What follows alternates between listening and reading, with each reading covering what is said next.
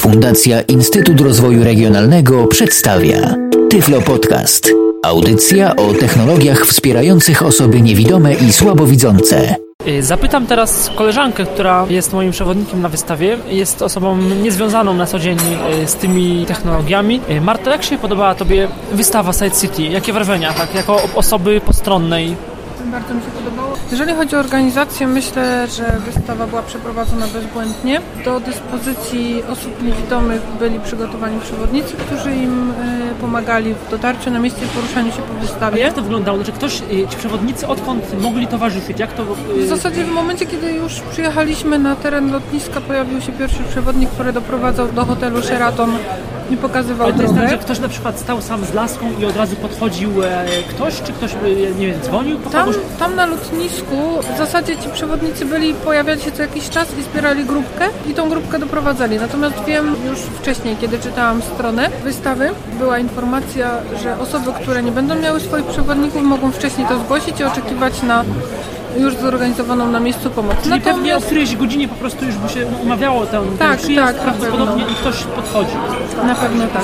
Natomiast jeśli chodzi o... A ci przewodnicy nie, bo oni tylko doprowadzali i nie chodzili od stoiska do stoiska chyba, nie? Tego nie widziałam, chociaż y, wiem, że była taka możliwość, tak mi się wydaje, że, że Ale to chyba jeszcze osobny organizator... osobna chyba, osobne wsparcie się zamawiało chyba... Tak, tak, to trzeba było zamówić osobno. Natomiast większość osób, które odwiedziły targi, miało swoich przewodników. Psów było niewiele, bo widziałam około 10 psów. Większość ludzi miało zaprzyjaźnione osoby widzące, które pomagały im poruszać się i opowiadały, oprowadzały po wystawie. Do tego ludzie raczej mieli białą maskę, czy raczej, raczej bez, bez laski? Bez Większość z laską, większość Aha. z laską. A wiekowo jak to wyglądało? Wiekowo raczej ludzie w średnim wieku. Mało młodzieży, osoby starsze też w mniejszości, najwięcej osób w średnim wieku. 40, 50, 60. A sama infrastruktura, to, to było kilka sal, tak? Tak, Jak chodziło się jakby tak w środek wystawy. Po wejściu natrafiało się na recepcję, gdzie dostawało się mapkę i kierując się w prawo docierało się do dwóch dużych sal, e, w których były poustawiane boksy wystawców. E, Druga część wystawy była zlokalizowana po, po lewej stronie od wejścia.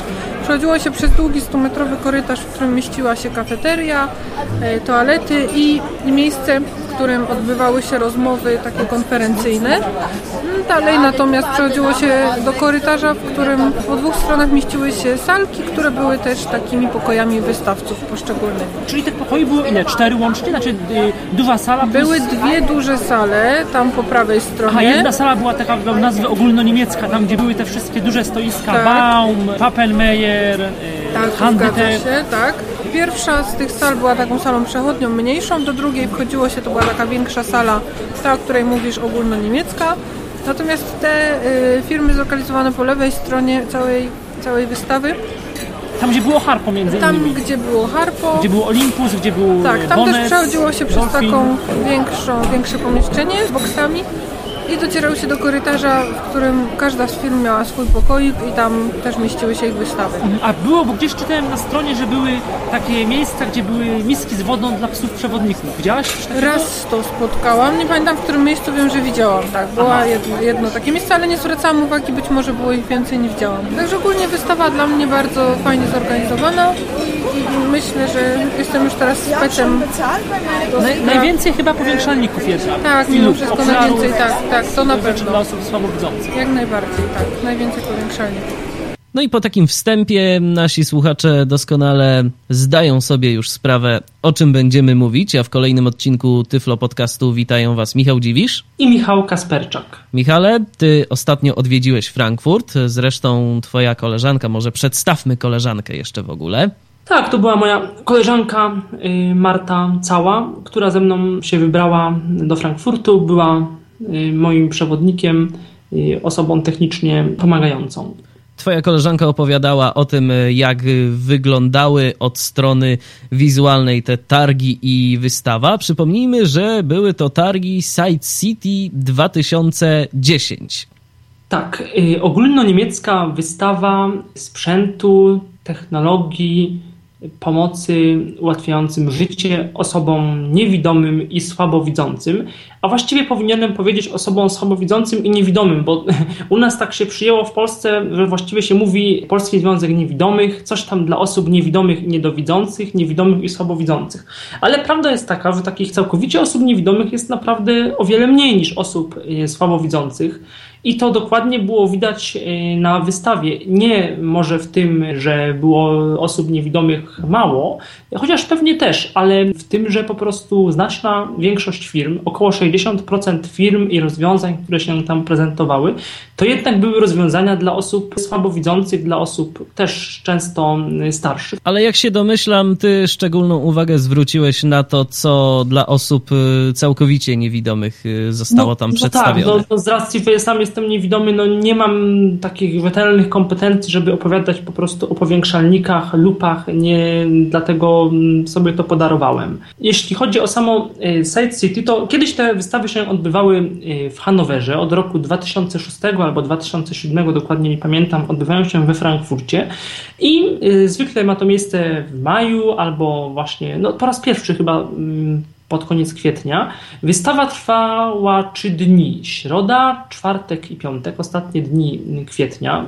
Y, środa, czwartek od godziny 10 do 18, w piątek od 10 do 16 w lotniskowej części hotelu Sheraton na głównym lotnisku we Frankfurcie. W kilku salach, jedne sale większe, drugie sale e, mniejsze o obsłudze, jak to mniej więcej wyglądało, zasygnalizowaliśmy w relacji reporterskiej, którą mogliście Państwo słyszeć przed chwilą, także nie będę y, się powtarzać. Ludzi było y, bardzo dużo. Jeśli by to porównywać z konferencją Recha, która ma co roku, czy prawie co roku miejsce w Warszawie, to słusznie mówi się o Recha, że jest to konferencja, a to jednak to są targi czy wystawa. Chociaż Recha mam wrażenie też idzie w tę stronę, może nie targi, bo jednak gdzieś tam branżowo y, na Recha przyjeżdżają po prostu zaprzyjaźnione firmy, głównie z y, Polską, a jeszcze bardziej z Fundacją Szansa, a jeszcze bardziej głównie y, z firmą Altix, to jej kluczowi dystrybutorzy Dolphin, Freedom i tak dalej. Chociaż też bez przesady nie jest tak, że to jest tylko wystawa Altixu i tylko promocja Fundacji Szansa. To też aż tak źle nie jest. Ale y, wystawa wystawą, a tam mm, zawsze jest konferencja, taka konferencja merytoryczna, która jest przez wystawę jakoś tam degradowana. Ta, ta wystawa jest, y, często jest coraz większa, cieszy się coraz większym zainteresowaniem ludzi. No i trudno się gdzieś tam dziwić. Natomiast tutaj od początku to są takie targi głównie wystawa. Tam równolegle były takie seminaria, jakieś konferencje. Nie wiem, czy one co roku mają inny temat, y, jak to jest. O ile Recha zawsze jest taka trochę wielotematyczna, y, jeżeli chodzi o taką zawartość merytoryczną, co jest bardzo dobre, to tutaj w tym roku mm, seminaria miały dotyczyć tylko problemów okulistycznych, problemów y, wzrokowych, głównie chyba osób starszych. Seminaria były w języku niemieckim w kilku salach. Trudno mi powiedzieć, co tam się mm, działo, nie znam języka niemieckiego, nie wiem. Też jakieś warsztaty Perkins organizował chyba z jakiejś nauki Braille'a czy czegoś. To było w języku angielskim.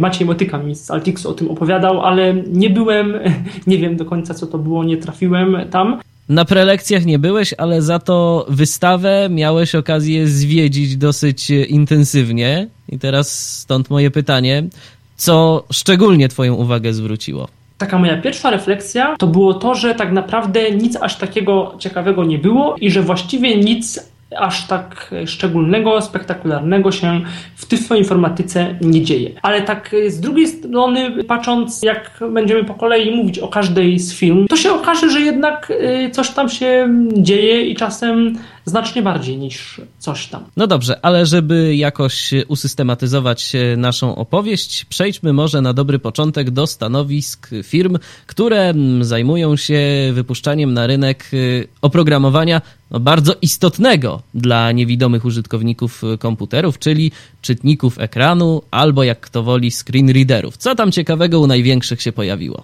Firma Freedom Scientific, w Polsce bardzo znana z programu JOS głównie, na jej stoisko nie dotarłem. Było stoisko, były plakaty, widzieliśmy je, y, jakoś nie Swoją pamiętam. drogą, Michale, pytanie, czy plakaty były w Braille'u? Bo jak już tak mówisz o plakatach, postarali się, żeby także No nie, osoby nie, niewidome... no, a, a plakaty nie, plakaty nie były w Braille'u. Jeżeli coś było w Braille'u, to na pewno ulotki jakieś. Natomiast no, plakaty, plakat to jest coś dużego, co ma być widziane z daleka. No tak, tylko jak osoba niewidoma to ma zobaczyć. No to nigdy plak plakatu nigdy nie zobaczy, chyba że to jest jakaś wystawa dotykowa, po prostu jednak myślę sobie. Także nie, no plakatów, plakatów w Braille'u nie było. Na stoisko Freedomu nie dotarliśmy i z tego co wiem, mieli tak naprawdę jedną nowość. Nie pamiętam w tej chwili jak się urządzenie e, nazywa. Wspominał o nim Henryk e, Rzepka z firmy Altix. Jest to coś podobnego do C-Recognizera, czyli mm, taki specyficzny zestaw lektorski, czyli taki po prostu normalny e, laptop albo netbook, zależnie to, co tam sobie zawyczymy. Freedom akurat sprzedaje to jako netbook, do tego kamera, y, też normalna, ale jakaś specjalnie dobrana, jakiś taki stojak, y, plus oprogramowanie OpenBook, które y, rozpoznaje i czyta mm, tekst. OpenBook to jest taki kombine skanująco-czytający, coś jak Cicero Dolphinu. Być może teraz y, ten OpenBook będzie spolszczony, chociaż nie jest to informacja jeszcze potwierdzona. Takie są wstępne plany, ale co Altix zdecyduje tak naprawdę jeszcze nie wiemy. No bardzo ciekawie jest to zrobione ze względu na zaimplementowanie tam kamery. Ja jestem bardzo ciekaw, jak będzie to się sprawdzało w praktyce i myślę, że jeżeli rzeczywiście e, zastosowanie takiego urządzenia okaże się dobrym posunięciem, to już niedługo będziemy mogli zakupić sobie jakiś taki tańszy zestaw. Kwestia tylko dobrania odpowiedniej kamery, co myślę, że nie jest Właściwie... także jakąś drogą inwestycją. Właściwie tylko tyle. No, kamera, ewentualnie jakiś, no tam stojak, tam też nie jest problem. Statyw no, to nie tak jest naprawdę droga rzecz. Nam, nam OpenBook do niczego nie jest potrzebny w obliczu FineReadera. Oprócz tego Freedom prezentował odnowione e, swoje powiększalniki, o czym również wspominał Maciej Motyka z firmy Altix. No to teraz może przejdziemy do kolejnego producenta oprogramowania odczytującego ekran, ale nie tylko, jak już słusznie zauważyłeś. Co tam ciekawego u GW Micro? What do you plan with Windows? Windows Screen Reader. The next uh, service release will be 7.2. Um, this version will include uh, support for Office 2010 as soon as it is released, really, and some patches that are uh, useful and extend the scripting ability. And we plan to further um, enhance the, the scripts that are already available and make sure that there's there are more programs you can use and, and especially make sure that our screen reader stays uh, stable and effective so you can really use it and do not have to reboot or something like that.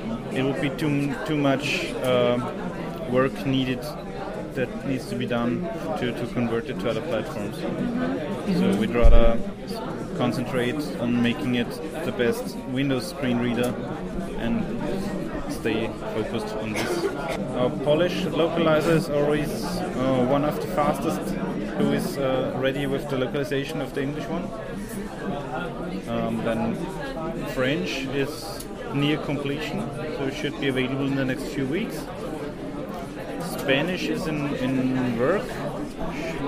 Um, Portuguese, Portuguese Brazilian is done. No Norwegian, German, of course. Um, what else do we have? Arabic language is already worked at, so we'll be in the next version, maybe 8.0. Yeah, Croatian, uh, Dutch, Belgium, Dutch Netherlands, Italian. Yeah, I Almost think every in Europe. every in Europe, yes. um, almost over Europe. So there are still some. Yeah, Sweden is already covered, the Swedish language. Could be that there are some small, smaller countries where we do not have the real localization. But we are always searching for, for companies who, that wants to localize it in, into their language. So we're very we're very happy if a company comes to us and asks for it. Co jeszcze? System with Windows 7, 64-bit in German, uh, running the latest Windows version with German interface.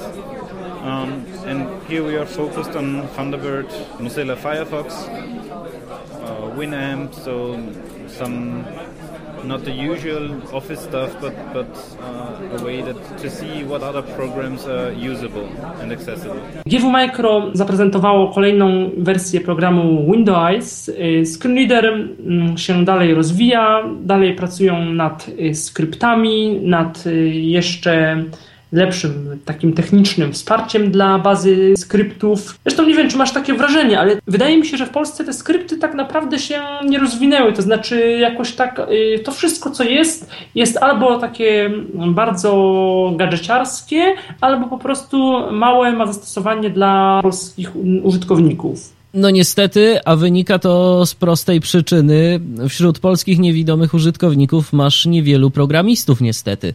Albo przynajmniej niewielu takich, którzy mają jeszcze czas na to, żeby poza swoją pracą zawodową robić coś dodatkowego. A nie oszukujmy się, pisanie skryptów to już y, wymaga nieco większej wiedzy niż na przykład tworzenie plików konfiguracyjnych, które także jakichś tam umiejętności wymaga, ale to możesz sobie jakby wszystko załatwić w menu programu programu.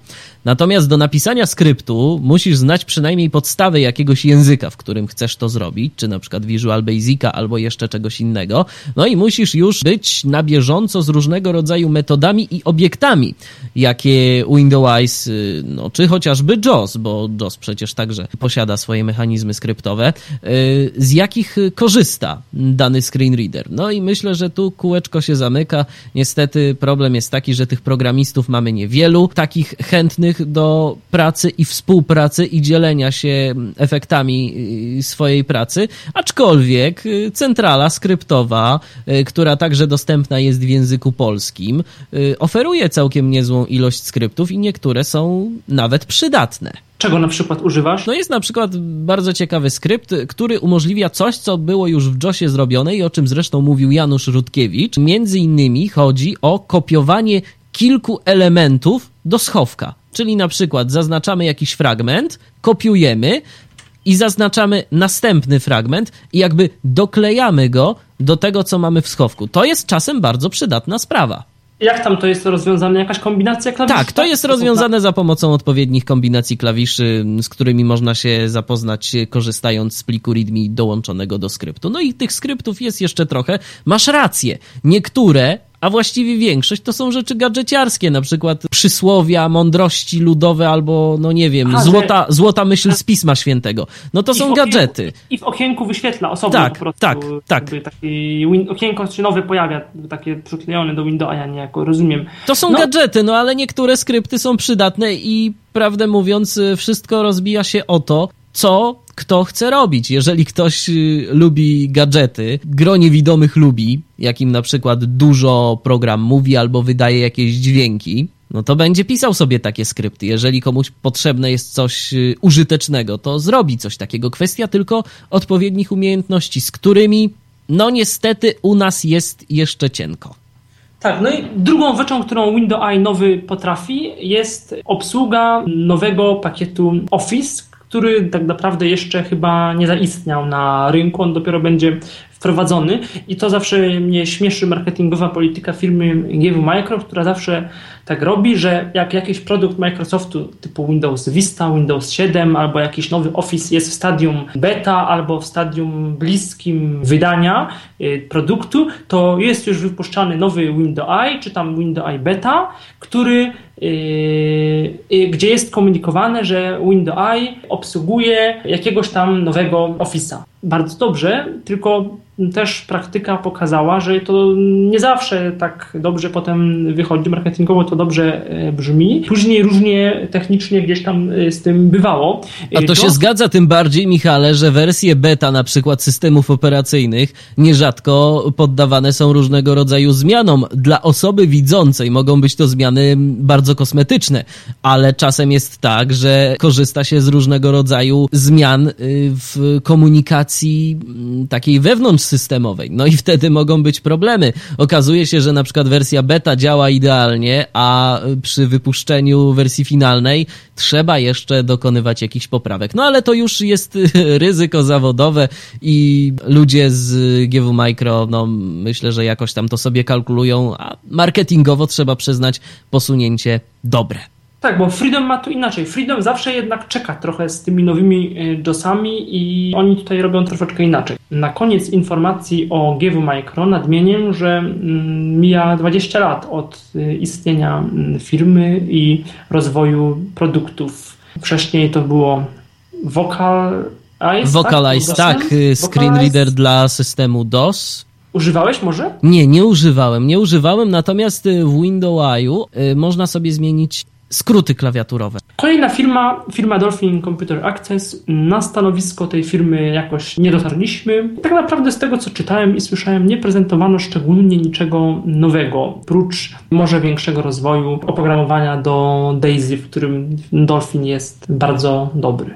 No właśnie, bo oni chyba teraz oprócz y, prac nad HALem y, właśnie specjalizują się w projektowaniu oprogramowania dla mm, bibliotek, do książek elektronicznych i całkiem nieźle im to wychodzi. A tak, tak a propos, no, czy... Nieźle im wychodzi też to, co... Ja myślę, że o tym w Polsce się mało mówi, ale to jest naprawdę niegłupie rozwiązanie, y, mianowicie pakiet Dolphin Guide, czyli pakiet udźwiękawiający komputer dla osób starszych albo takich, które nie są w stanie pamiętać e, wszystkich programów, okien, skrótów klawiszowych i tak dalej. To naprawdę to jest niegłupie mm, rozwiązanie. Dodajmy, że Dolphin Guide'a prezentowaliśmy w dwóch częściach na łamach e, Tyflo Podcastu. Jeżeli ktoś jest zainteresowany, a nie miał okazji zapoznać się z tym materiałem, to odsyłamy do sekcji oprogramowanie. Jeszcze tak zapytam a propos Dolfina, bo sam kiedyś korzystałem z Hala, to były bardzo wczesne wersje tego oprogramowania. Czy orientujesz się, Michale, jak e, ma się sprawa z tym screen readerem? Czy już doścignął takie programy jak JOS czy Windows, czy nadal jednak e, jest to jakaś tam różnica? Wydaje mi się, że jest to różnica, tylko z drugiej strony być może to jest tak, że jest to po prostu być może to tylko nam się tak wydaje, że jest różnica. Bo teraz w końcu sobie... przyzwyczajenie drugą naturą człowieka. Tak, i pomyślałem sobie też o czymś takim, że tak naprawdę VoiceOver, yy, czyli makowe rozwiązanie, z którego teraz korzystam, potrafi mniej niż JAWS, niż Windows Eye, a generalnie umożliwia bardzo sprawną obsługę komputera. Być może jest tak, że jak ktoś dobrze nauczy się albo od początku używa HALA, to ten HAL mu zupełnie po prostu wystarcza. Co także jest możliwe, bo ja na przykład y, pamiętam, że za czasów Windowsa 98 nie miałem większych problemów z korzystaniem y, z programów y, różnego rodzaju za pomocą Hala, z jednym wyjątkiem. No niestety program zupełnie nie radził sobie ze stronami internetowymi. No nie, to, to, to się na pewno zmieniło i znam kilka osób, które używają Hala w internecie i ten Hal całkiem się sprawdza z tego, co mówią. Są różne poprawki w Halu najnowszym, czy tam Supernowa, wszystko jedno, no bo Supernowa to HAL plus y, powiększalnik. Teraz niedawno miał, miała miejsce aktualizacja, w której dodano mapy do programu mailowego dla Windowsa 7, do y, Thunderbirda 3.0, przedtem mapy do Skype'a, do iTunesa, do Firefoxa, także y, tam się na pewno dzieje. Tam się dzieje sporo, tylko no, w Polsce mam wrażenie HAL został wyparty przez głównie przez Windowsa chyba, chociaż przez Windowsa i i Josa. I Josa I, też. I Josa też, myślę jednak. Tyle o Dolfinie. I to w sumie chyba wszystkie firmy, które mm, produkują screen readery. Czy Serotka może widziałeś gdzieś tam? Nie, Serotek nie był obecny na tej konferencji. Też trzeba powiedzieć, że ta konferencja było 120 wystawców i to ona była mocno niemiecka, do czego za chwilkę mm, przejdziemy. Gdy mówimy o firmach, y, czas teraz na kolejnych y, tych wielkich graczy. Czas teraz na kolejną firmę Code Factory. I tu niemiłe zaskoczenie. Pani dyrektor marketingowa tej firmy, zawsze taka aktywna, obecna we wszelkiego rodzaju podcastach, jakoś to się nie przełożyło na stanowisko mm, tej firmy. Na stoisku właściwie leżało kilka telefonów. Jeden telefon podłączony do głośników i do linijki brajlowskiej Alva BC 640 i to właściwie tyle. I pan czy pani, dokładnie nie pamiętam, ale chyba pan. Niekompetentny, yy, właściwie nie umiejący za dużo nic pokazać. Także szczegółów co do yy, tego, co było tam prezentowane, nie wiem. Przypuszczam, że w ciągu dalszym był to y, Mobile Speak 4.0, który w styczniu się pokazał i jedną z nowości, którą oferuje ten program jest obsługa telefonów z ekranami dotykowymi zarówno Nokia, jak i telefonów y, opartych o system Windows Mobile 6.5. No właśnie, a czy na stanowisku Code Factory były położone telefony dotykowe, czy jednak nie chcieli ja, ryzykować ja, wpadki? Ja, ja, ja takiego telefonu nie spotkałem, ale nie wiem, może gdzieś był. Jeżeli mówimy o Code Factory, trzeba powiedzieć o niuansie, którego nie było, bo nie wiem, jaką do końca niuans ma politykę, ale yy, ich nie ma na takich dużych konferencjach nigdy. Oni jakoś tak to chyba robią, że dostarczają technologię, ale nie zajmują się marketingiem, tą, tą stroną taką promowania swoich produktów. Tak mi się wydaje, że na świecie również tak jest i w Polsce podobnie, no bo jeżeli w Polsce ktoś prezentuje Toxa, no to wiadomo, że jest to Madison. Na zachodnich konferencjach jakoś chyba niuansa nie ma. Kolejny gracz, firma Humanware i tu jestem bardzo niemile zaskoczony. Bardzo lubię produkty, newslettery i to, co Humanware robi, tylko że ta firma, ona głównie jednak promuje swoje rozwiązania w Ameryce, Kanadzie, częściowo w Europie Zachodniej, Skandynawii, zupełnie nie jest zainteresowana tym rynkiem, a ma swoje bardzo ciekawe produkty. Pomijam y, powiększalnik MyReader, który był, właściwie jest w pewnym sensie do dzisiaj rewolucyjnym urządzeniem, bo on powiększa, robiąc zdjęcie tekstu, to jest coś takiego bardzo innowacyjnego. No ale HumanWare to przecież Victor Reader Stream, bardzo dobry odtwarzacz książek, to notatniki Braille Apex to y, program screenreader komórkowy na urządzenia y, BlackBerry. Niestety mm, tego BlackBerry y, nie udało mi się obejrzeć. Victor Reader Stream był po niemiecku, więc to sobie odpuściłem. Urządzenie mam w domu, znam je, więc nie było co akurat tam oglądać. Bo nie pojawiła się żadna nowość, żadne nowe wydanie tego urządzenia, zgadza się? Nie, nowego, nowego wydania nie ma. Ja pytałem i pana, i panią, jakie są planowane jakieś zmiany w Wiktorze Stream, albo właśnie czy będą spolszczane notatniki Braille Apex, czy tam inne produkty.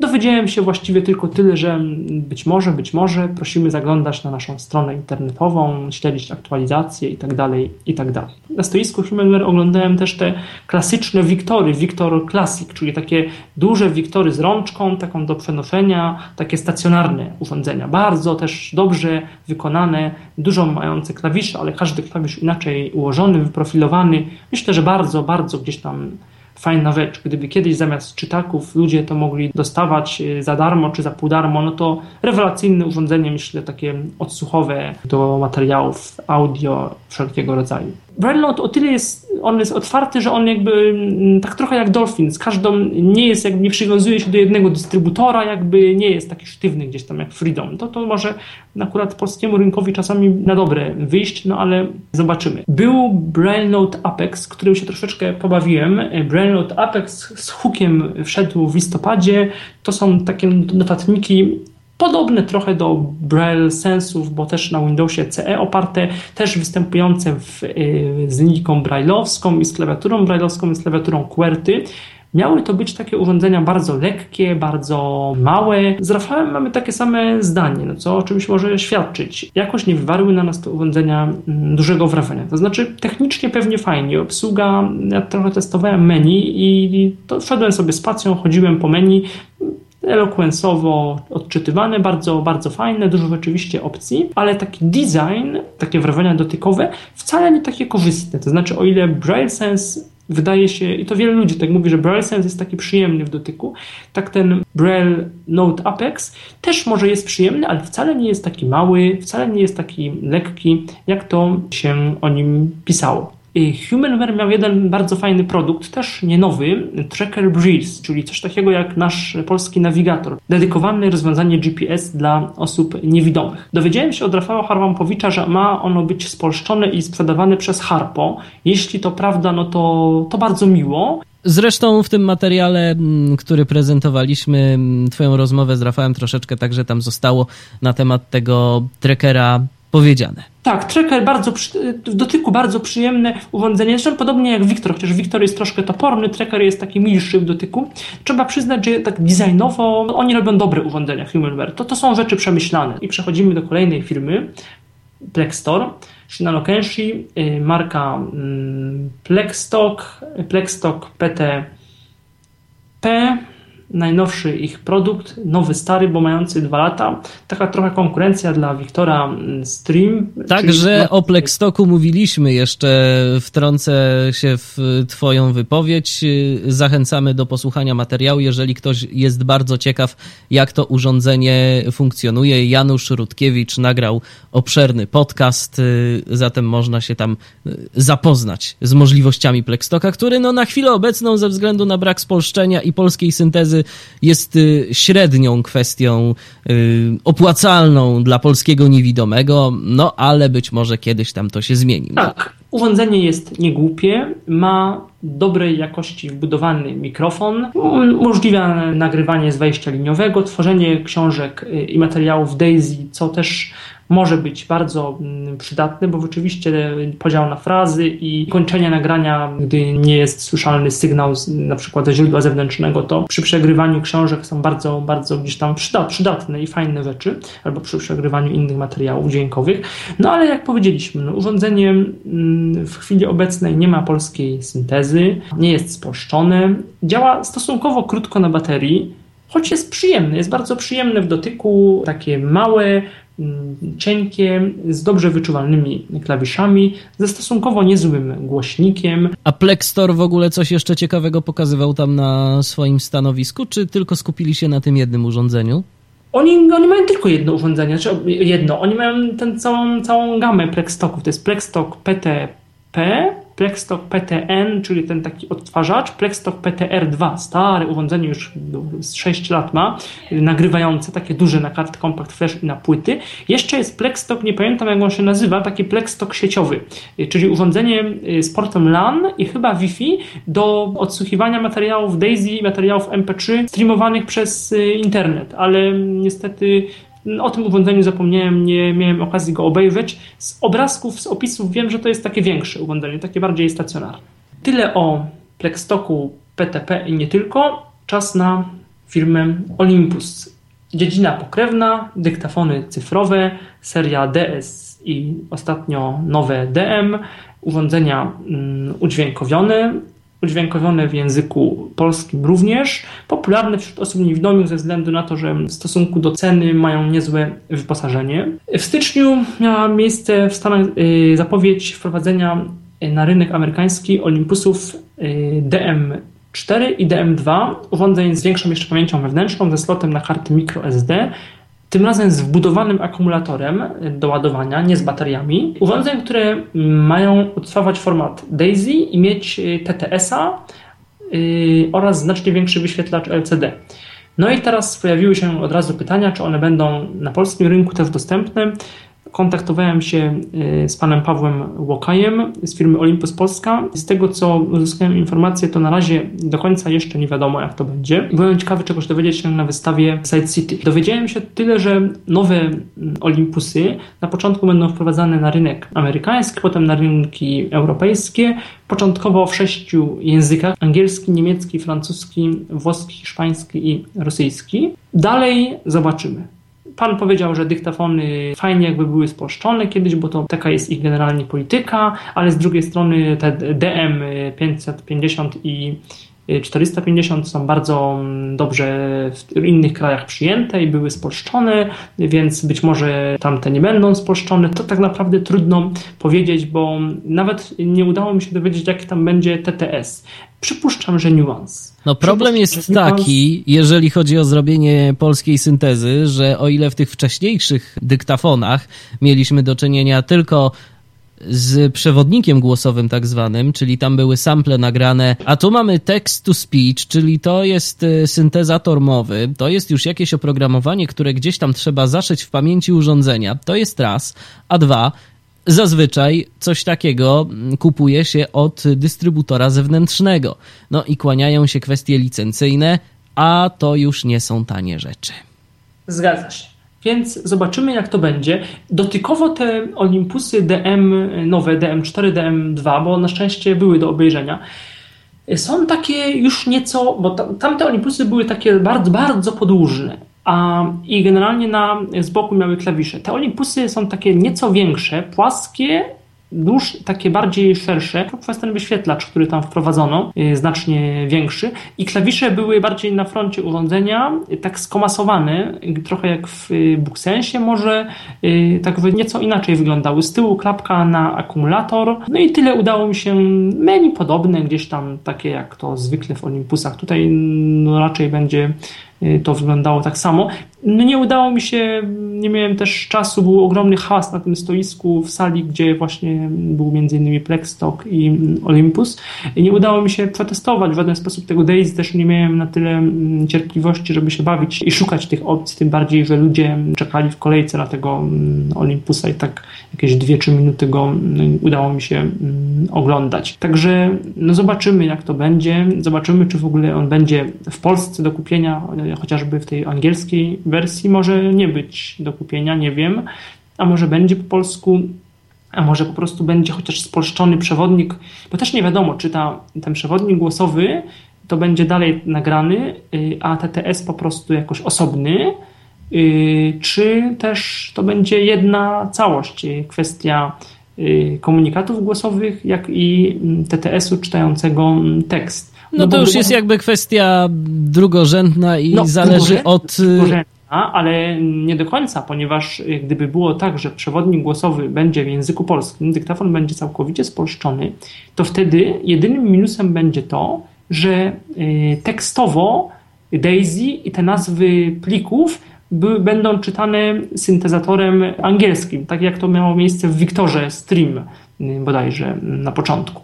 I wtedy to będzie już urządzenie, które za około w przeliczeniu na polskie pieniądze tysiąc, troszkę ponad tysiąc zł, będzie odtwarzało Daisy, nagrywało tak jak Olympusy, odtwarzało też MP3, WMA, Wave, miało akumulator y, wbudowany, możliwość ładowania przez ładowarkę i USB i do 20 chyba godzin pracy. No i tutaj to już będzie konkurencja dla takiego czytaka, Booksensa, Wiktora i tak dalej, urządzeń kosztujących o te kilkaset złotych więcej. No zgadza się, pod warunkiem oczywiście, że zostanie to wprowadzony na rynek polski, no i że chociaż y, będzie miało zaimplementowany ten przewodnik głosowy. Bo nie da się ukryć jednak, też y, nie możemy zapominać o kwestii następującej, że jeżeli ktoś kupuje takie urządzenie, to bardzo często na samym początku zależy mu na tym, żeby ono było maksymalnie proste. Jeżeli ktoś już jakieś ma doświadczenie w e, obsłudze urządzeń elektronicznych, to już nie ma większego problemu, bo on sobie poradzi. Ale jeżeli ktoś e, zapoznaje się z czymś pierwszy raz, czy na przykład jest to jakiś powiedzmy uczeń, któremu jest potrzebne urządzenie jakieś nagrywające, no tu już e, trzeba postawić bardziej na tę prostotę w obsłudze danego urządzenia. I zastanawiam się, o ile takie niepełne y, urządzenie, tu mówiące coś po polsku, tu mówiące coś po angielsku, byłoby w stanie przyjąć się na naszym rynku.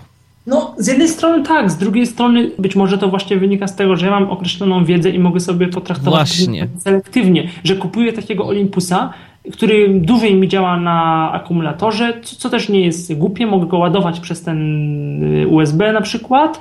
I no, wyłączam, jeżeli jest taka możliwość, opcję oznajmiania, wtedy nie czyta mi tych nazw w pliku po angielsku albo przyjmuje to, że mi czyta, czyli jest to taki stary Olympus w nowej skórze, z nowymi y, funkcjami. Na no, Daisy tekstowe, no cóż, te pliki tekstowe, bo on nie tylko Daisy, on też przecież pliki tekstowe miał czytać y, TXT i jakiś tam kalendarz prosty mieć, coś takiego. Generalnie Olympus, y, mi się wydaje, ma taką politykę masową, czyli po prostu albo coś jest dostępne na danym rynku, albo nie jest dostępne i koniec.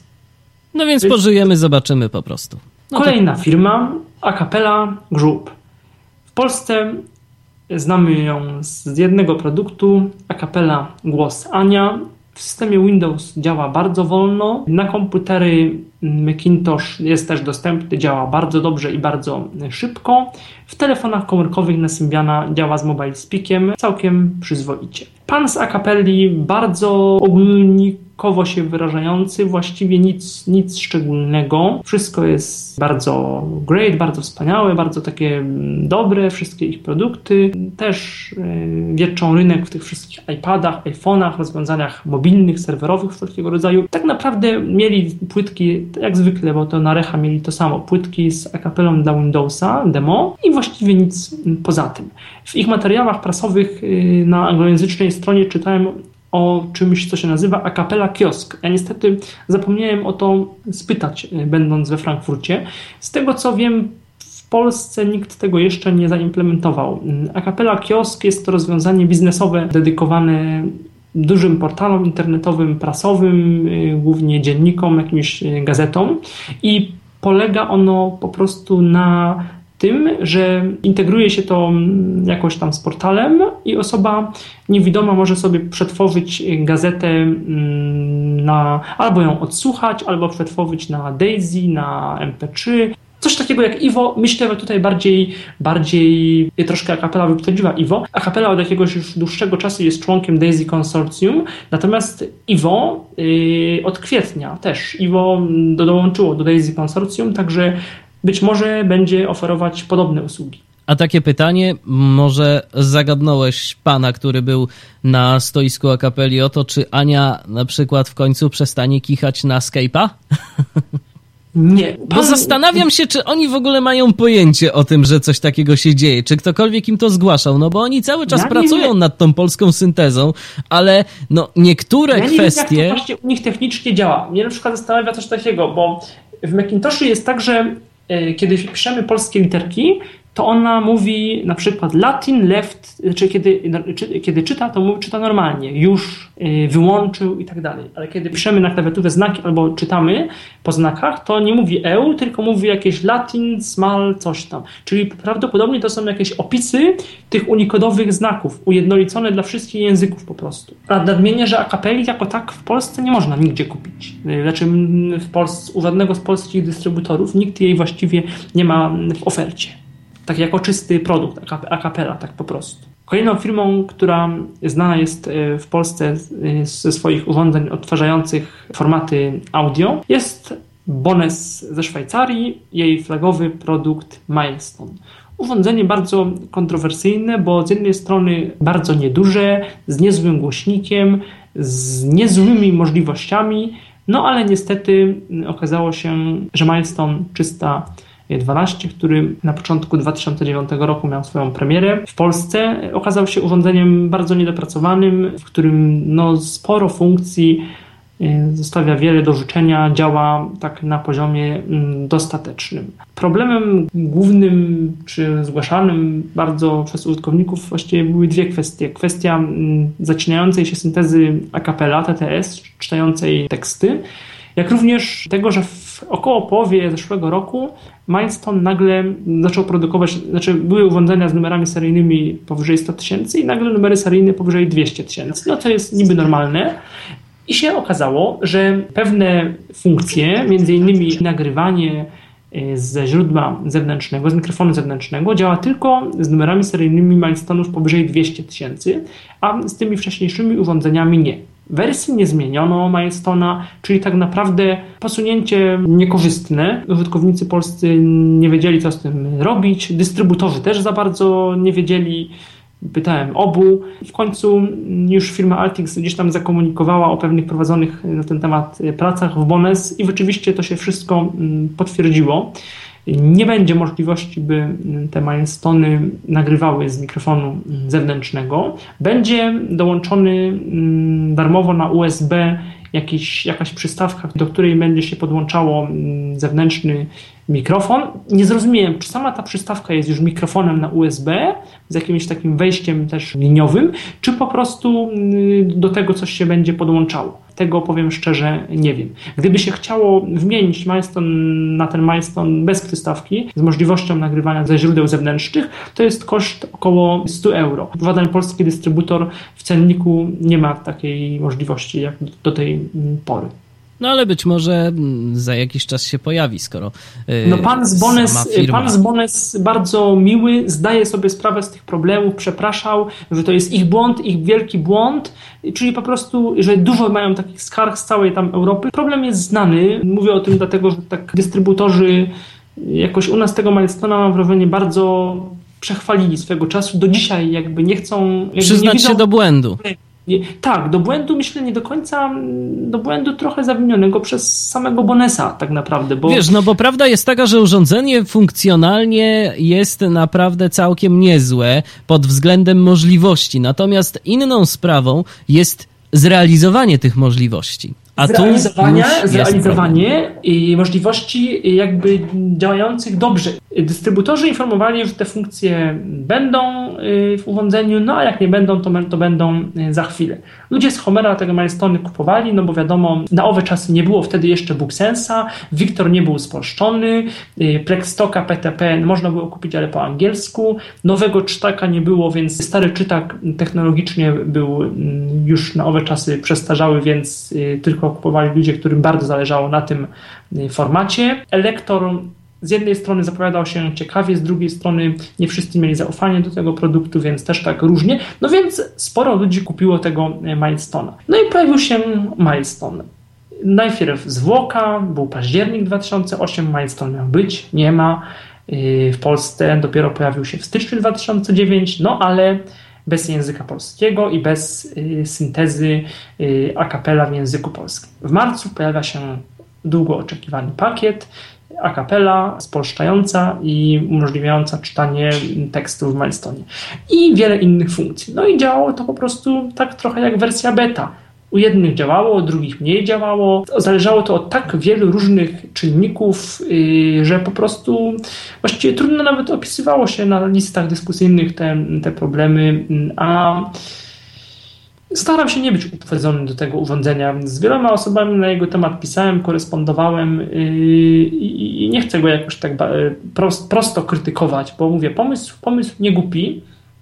Natomiast realizacja wyszła już po prostu troszkę gorzej w chwili obecnej no, jednak bym się zastanawiał nad takim milestone'em, w tym sensie, że on z jednej strony mamy urządzenie 6 klawiszy, ale no, żeby cokolwiek zrobić, trzeba naciskać kombinację tych klawiszy, co wymaga jednak jakiejś tam sprawności manualnej albo koncentracji. Ale jak mówię, to jest bardziej kwestia już osobistych po prostu preferencji. Jednakże firma Bones planuje pewne nowości, jak tester kolorów podłączany do Milestone'a, chyba w SLUMO wykonany oraz y, na kablu mm, tester kodów y, kreskowych. Oba rozwiązania testowałem, działają całkiem przyzwoicie.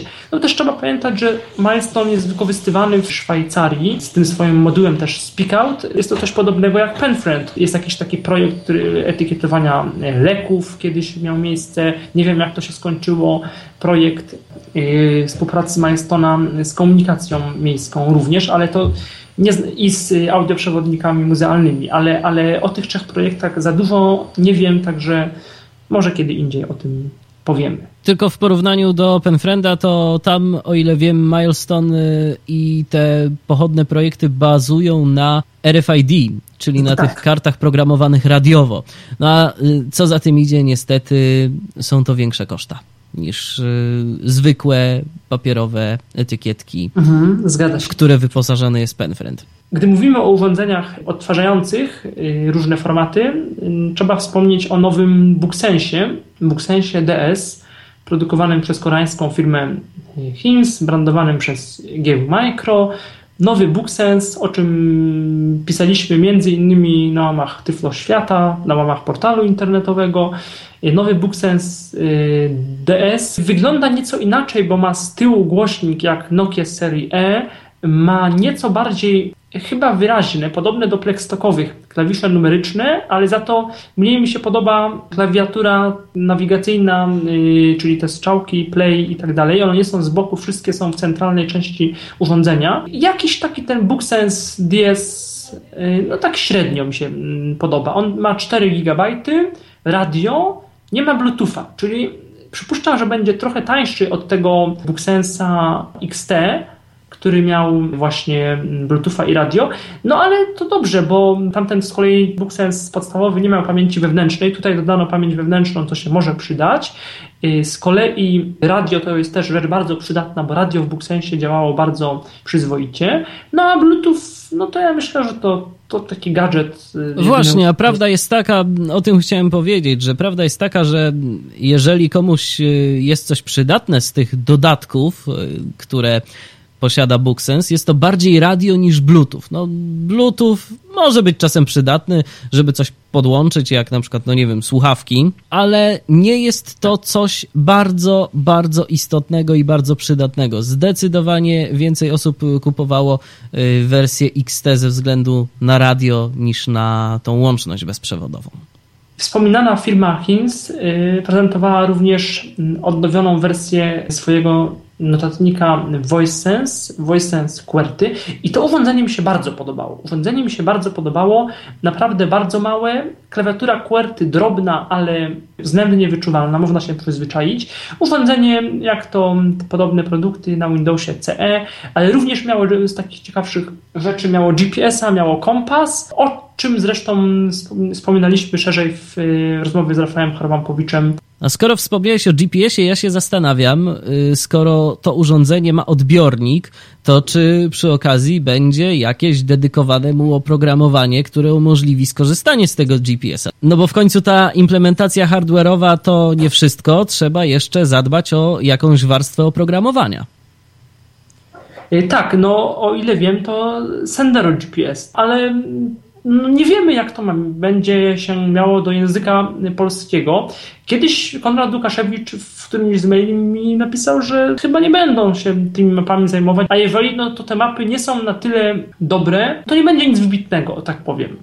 To coś podobnie jak w Wayfinderze i w czymś... Czyli taki dodatek, ale bez specjalnych rewelacji, nie ma tak, się co podniecać na, tym GPS-em. Stany Zjednoczone, na Kanadę, na Europę Zachodnią pewnie, pewnie ok. Natomiast no, VoiceSense, małe urządzonko, bardzo przyjemne tylko z klawiaturą QWERTY albo brailleowską, bez linijki brailleowskiej, tak? Czyli dla osób właściwie głównie nieznających y, Braille'a, czy nie mających potrzeby czytania Braillem w danym momencie. Aha, no VoiceSense ma radio, no wszystko ma właściwie. To jest tak podobnie jak BrailleSense. Filozofia tych produktów yy, wszystkich, VoiceSense'a, BrailleSense'a i BookSense'a jest bardzo podobna. To znaczy, jak je się włączy, nawet jak sobie Państwo na YouTubie posłuchacie na przykład prezentacji tych, tych urządzeń, design dźwiękowy, interfejs, to wszystko jest to samo są te same komunikaty na włączenie, wyłączenie BookSensa. Jest to po prostu jakaś rodzina produktów. Fakt, że tak. troszeczkę o innym zastosowaniu, ale mających y, pewne elementy wspólne. Tak, i to produktów w Polsce bardzo dobrze spolszczanych, wspieranych, bardzo tak naprawdę przyzwoitych. Oczywiście zamkniętych w tym sensie, że one nie udźwiękawiają tego tak jak screenreadery, takie notatniki nie oferują wszystkiego, jak nie wiem, jak komputer, jakiś palmtop, czy rzeczony PackMate z Windows mobilowym JOSem, ale naprawdę to, co tam jest, jest sprawdzone, zintegrowane i działające. Tyle o kolejnej grupie urządzeń, ale opowiadamy, opowiadamy, a przecież jeszcze jest jedna grupa sprzętu bardzo istotnego, przynajmniej dla niektórych osób niewidomych. Mam tu na myśli monitory brajlowskie. No, ktoś by mógł powiedzieć, że w sumie w przypadku tych monitorów wiele się nie zmienia. Braille to Braille, mamy 8 punktów i wyświetla nam się ten braille na tych monitorach. No ale pokazują się co jakiś czas różnego rodzaju nowe rozwiązania. Co tam, Michale, na Site City w tym względzie ciekawego zobaczyłeś? Braille był w pewnym sensie na Site City bardzo mm, ekspansywny, o tyle, że Braille w Europie to głównie firmy niemieckie Baum i Pappenmeier, Optelek również europejski mocno, no i Freedom i ta firma produkująca Braille Sensy spoza Europy, ale mówię o tym dlatego, że firmy Baum i Handytech jeszcze oraz y, Pappenmeier były jednymi ze sponsorów wystawy, miały największe takie stanowiska, także tych urządzeń brajlowskich trochę tam było. No i Baum, ogromne stanowisko na środku, gdzieś tam w takiej dużej sali, kręcące się na takim postumencie rozmaite monitory brajlowskie, Vario i Super Vario. nic tam chyba nie było, nikogo tam z obsługi nie było, niczego tam nie znalazłem jakoś y, nowego dla siebie. Choć też trzeba by się kiedyś przyjrzeć, bo Baum jakiś screen reader swego czasu chciał wypuścić. Nie pamiętam teraz nazwy programu i nie wiem, jak jego losy się potoczyły. Y, trzeba by się tym kiedyś zainteresować. Handytech miał jakby dwa stanowiska nawet. Na jednym stanowisku był prezentowany GWP, Graphic Window Professional, monitor graficzny i 27-calowy Macintosh, do którego mieli podłączony monitor brailleowski serii Modular Revolution. To jest taka seria urządzeń mm, kilkudziesięcioznakowych, która polega na tym, że ma, jest urządzenie z klawiaturą brailleowską bardzo takie duże, to są takie rozwiązania no już bardziej, no, głównie właściwie dla, dla szkół gdzieś tam, albo dla osób bardzo mm, zamożnych, które polegają na tym, że y, kiedy dochodzimy mm, do końca linijki, to urządzenie monitoruje nasze ruchy palców i nam zmienia mm, jakby tekst i tak dalej. Y, także nawet może liczyć, ile y, reaguje na dotyk tych znaczków brajlowskich, także to, to jest zupełnie inny sposób możliwości czytania i pracy, pracy z Braillem. Dobre na pewno dla tłumaczy, osób zajmujących się muzyką, jakoś tekstem, ale no po prostu to trzeba rzeczywiście z Braille'a porządnie korzystać i mieć potrzebę rzeczywistego czytania Braillem sporych partii tekstów. I także chyba te monitory reagują na nasz dotyk, prawda? O tym, o czym mówił na przykład Rafał, że wystarczy mm, jakby nacisnąć y, palcem na pewien obszar y, tekstu, który jest na przykład elementem klikalnym i nie trzeba korzystać z e, żadnych y, klawiszy skrótów, ni z niczego znaczy, tego podobnego. Nie wiem, nie wiem, czy nacisnąć na ten piezo, właśnie tego nie jestem pewny, czy na ten piezoelektryczny nacisnąć chyba nie, bo, bo urządzenia brailleowskie mają ten cursor routing, czyli nad nad komórką zawsze miałem taki klawisz. Ja myślę, że no bardziej... No tak, ale to w końcu wiesz, to było kiedyś, a technologia idzie do przodu, więc... Y, no być może, być może. Z drugiej strony, jak ktoś mocniej czyta... Myślę, że muszą tam być jakieś sensory zastosowane, wiesz, bo skoro sam monitor wyczuwa, kiedy my dochodzimy do końca tekstu, to na pewno gdzieś tam coś jest y, zaimplementowane nie tylko y, w mhm. postaci przycisków, ale także jakichś sensorów. No bo inaczej. No bardzo ciekawie tak. Ciekawie o tym y, pan z Handtech opowiadał w korespondencji dostępnej w materiałach audio z zeszłorocznej grudniowej konferencji Recha. Myślę, że na stronach Fundacji Szansa ona jeszcze jest. Bardzo fajne rozwiązanie w Polsce ze względu na cenę, myślę, chyba tylko w Krakowie ono gdzieś jest dostępne. Handtech oprócz tego na swoim drugim stanowisku y, z komputer z Windows'em, bo oni, oni bardzo Windows'a promują, mieli mm, no, wszelkie urządzenia brailleowskie od lat właściwie te same. Handtech Braille Star, Braille Wave, Easy Braille, urządzenia z klawiaturkami brailleowskimi, mm, monitory brailleowskie, one mają takie wklęsłe moduły brailleowskie, to jest y, dość przyjemna, przyjemna mm, rzecz. Urządzenia, które mają też taki prosty notatnik wbudowany, 4 MB pamięci, yy, jakaś tam możliwość przesyłania, nie wiem czy przez Bluetooth, czy kiedyś przez port szeregowy, no ale to są technologicznie rozwiązania, które były już dostępne w roku 2004, kiedy ja myślałem o kupnie swojego monitora brailleowskiego i mocno brałem pod uwagę Braille Wave'a i z panem Wojciechem Majem korespondowałem zresztą bardzo sensownie i bym pewnie kupił tego Braille Wave'a, gdyby Freedom nie przebił cenowo tych urządzeń. No bo co by nie wec, te niemieckie rozwiązania, one są bardzo drogie. Baumy, Handytechy, one trochę staniały już, to też trzeba przyznać, ale i tak są droższe niż, niż y, Freedom. Na zresztą ciekawą rzecz zwrócił Jarosław Urbański uwagę w wywiadzie, mianowicie na to, że w chwili obecnej właściwie już wszystkie urządzenia brailleowskie mają zaimplementowany Bluetooth. Co ja tak osobiście mnie to ani ziębi, ani parzy, jak to się mówi, bo nigdy z Bluetootha w Braille'u nie korzystałem. Mój Focus zeszłoroczny, ten normalny, klasyczny, 40-znakowy, nie ma jeszcze Bluetootha, zupełnie mi to nie przeszkadza. No ale gdzieś tam te urządzenia Bluetoothy mają, czyli y, zakłada się, że urządzenie takie brailleowskie będzie mogło również sterować telefonem komórkowym, być może innymi urządzeniami. Handytech, Baum, również firma francuska Eurobraille znana w Polsce i na świecie z monitorków brailleowskich ESYS. Są ich dwa modele ESYS 12, ESYS 40 oraz prezentowana taką klawiaturę funkcyjną Easy Touch. Klawiatura Easy Touch tak naprawdę w sumie trudno powiedzieć jaka zastosowaniu, no bo jest podłączona do USB zawiera strzałki, klawisze funkcyjne, jeszcze kilka innych klawiszy. Być może to jest dobre do netbooka albo laptopa, który na przykład ma niewyraźne strzałki, niewyraźny jakiś shift, coś. Może tutaj to jest dobre rozwiązanie, no ale nie jest to na Bluetoothie, więc tak naprawdę taki trochę gadżet niż coś przydatnego, no bo gdyby to była jakaś klawiatura brailleowska na USB, no to tylko klawiatura taka nawigacyjno-funkcyjna, czyli strzałki, enter i jeszcze inne rzeczy.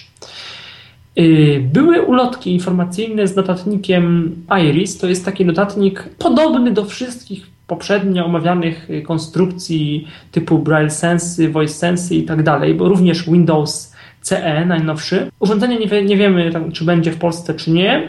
O tyle ono jest ciekawe, że zawiera jakiś dedykowany program do translacji zapisu nutowego i notacji matematycznej na język angielski i francuski.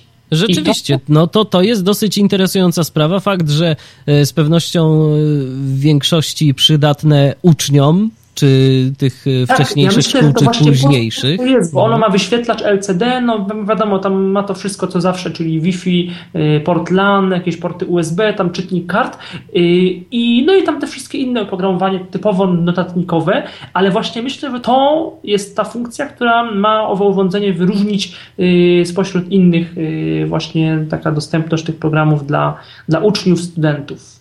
No rzeczywiście, może być to przydatną opcją ale jak to działa w praktyce niestety nie wiem. Chociaż pan, pan z Eurobraille'a na tle tych innych stanowisk był bardzo kompetentny i bardzo tak wyczerpująco tłumaczący. Widać, że ta firma no, chyba nie ma za dużo osób po prostu i ten pan rzeczywiście wiedział o czym mówi, też tak technologicznie. No tak, nie mieli swojego działu marketingu, tylko po prostu prawdopodobnie pojawił się tam ktoś, kto rzeczywiście był zaangażowany w tworzenie tego urządzenia, albo przynajmniej miał okazję dobrze z nim pracować. I to czasem jest, jak się okazuje, dobrą kwestią. Optelek prezentował Alve BC640 i BC680, ale to są urządzenia y, nie nowe.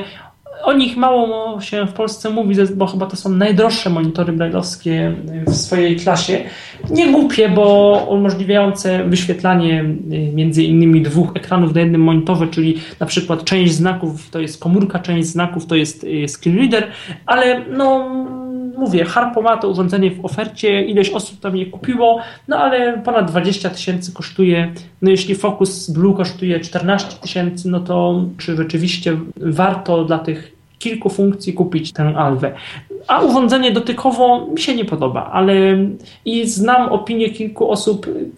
Z jednej strony ludzie są zadowoleni, no jak to ze wszystkim pewnie. Z jednej strony są ludzie zadowoleni, z drugiej strony znam opinię, że te Alwy Satellite stare były bardzo takie solidne, może trochę toporne, a ta nowa Alwa jest taka, ona ładnie wygląda, to tak mi Marta mówiła, ale ona tak dotykowo te klawisze nie są takie przyjazne. Ninepoint, y, firma, o której swego czasu było nieco głośno ze sprawą notatnika o takiej samej nazwie, który nawet zdobył y, idola, nie w tym, ale w zeszłym roku i tak naprawdę zdobył idola, a taki idol trochę się okazał chyba nie wypał, to znaczy produkt się w Polsce w ogóle nie przyjął. To był ten taki bardzo mały notatnik, dobrze pamiętam? Tak, taki z ośmioznakowym braillem i taką dziwną klawiaturą brailleowską.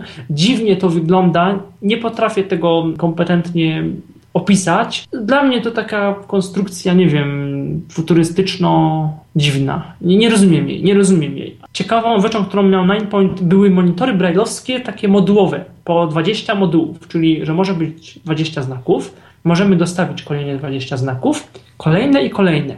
I robi się bardzo jednolity monitor brailleowski w solidnej, metalowej obudowie, takiej aż zimnej, ładne moduły brajlowskie, takie równe, no takie nawet ostre trochę, tylko bardzo dziwna nawigacja. Taki joystick, jak dla mnie bardzo nieprzyjemny w dotyku, ale to znowu kwestia gustu. Ale pomysł ciekawy, taki monitor ilość tam modułowy.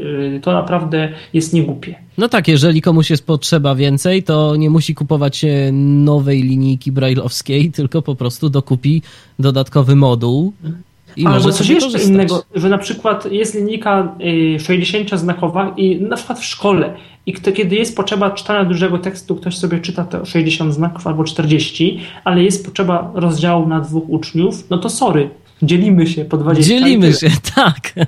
To jest, też do, to jest też dobre rozwiązanie.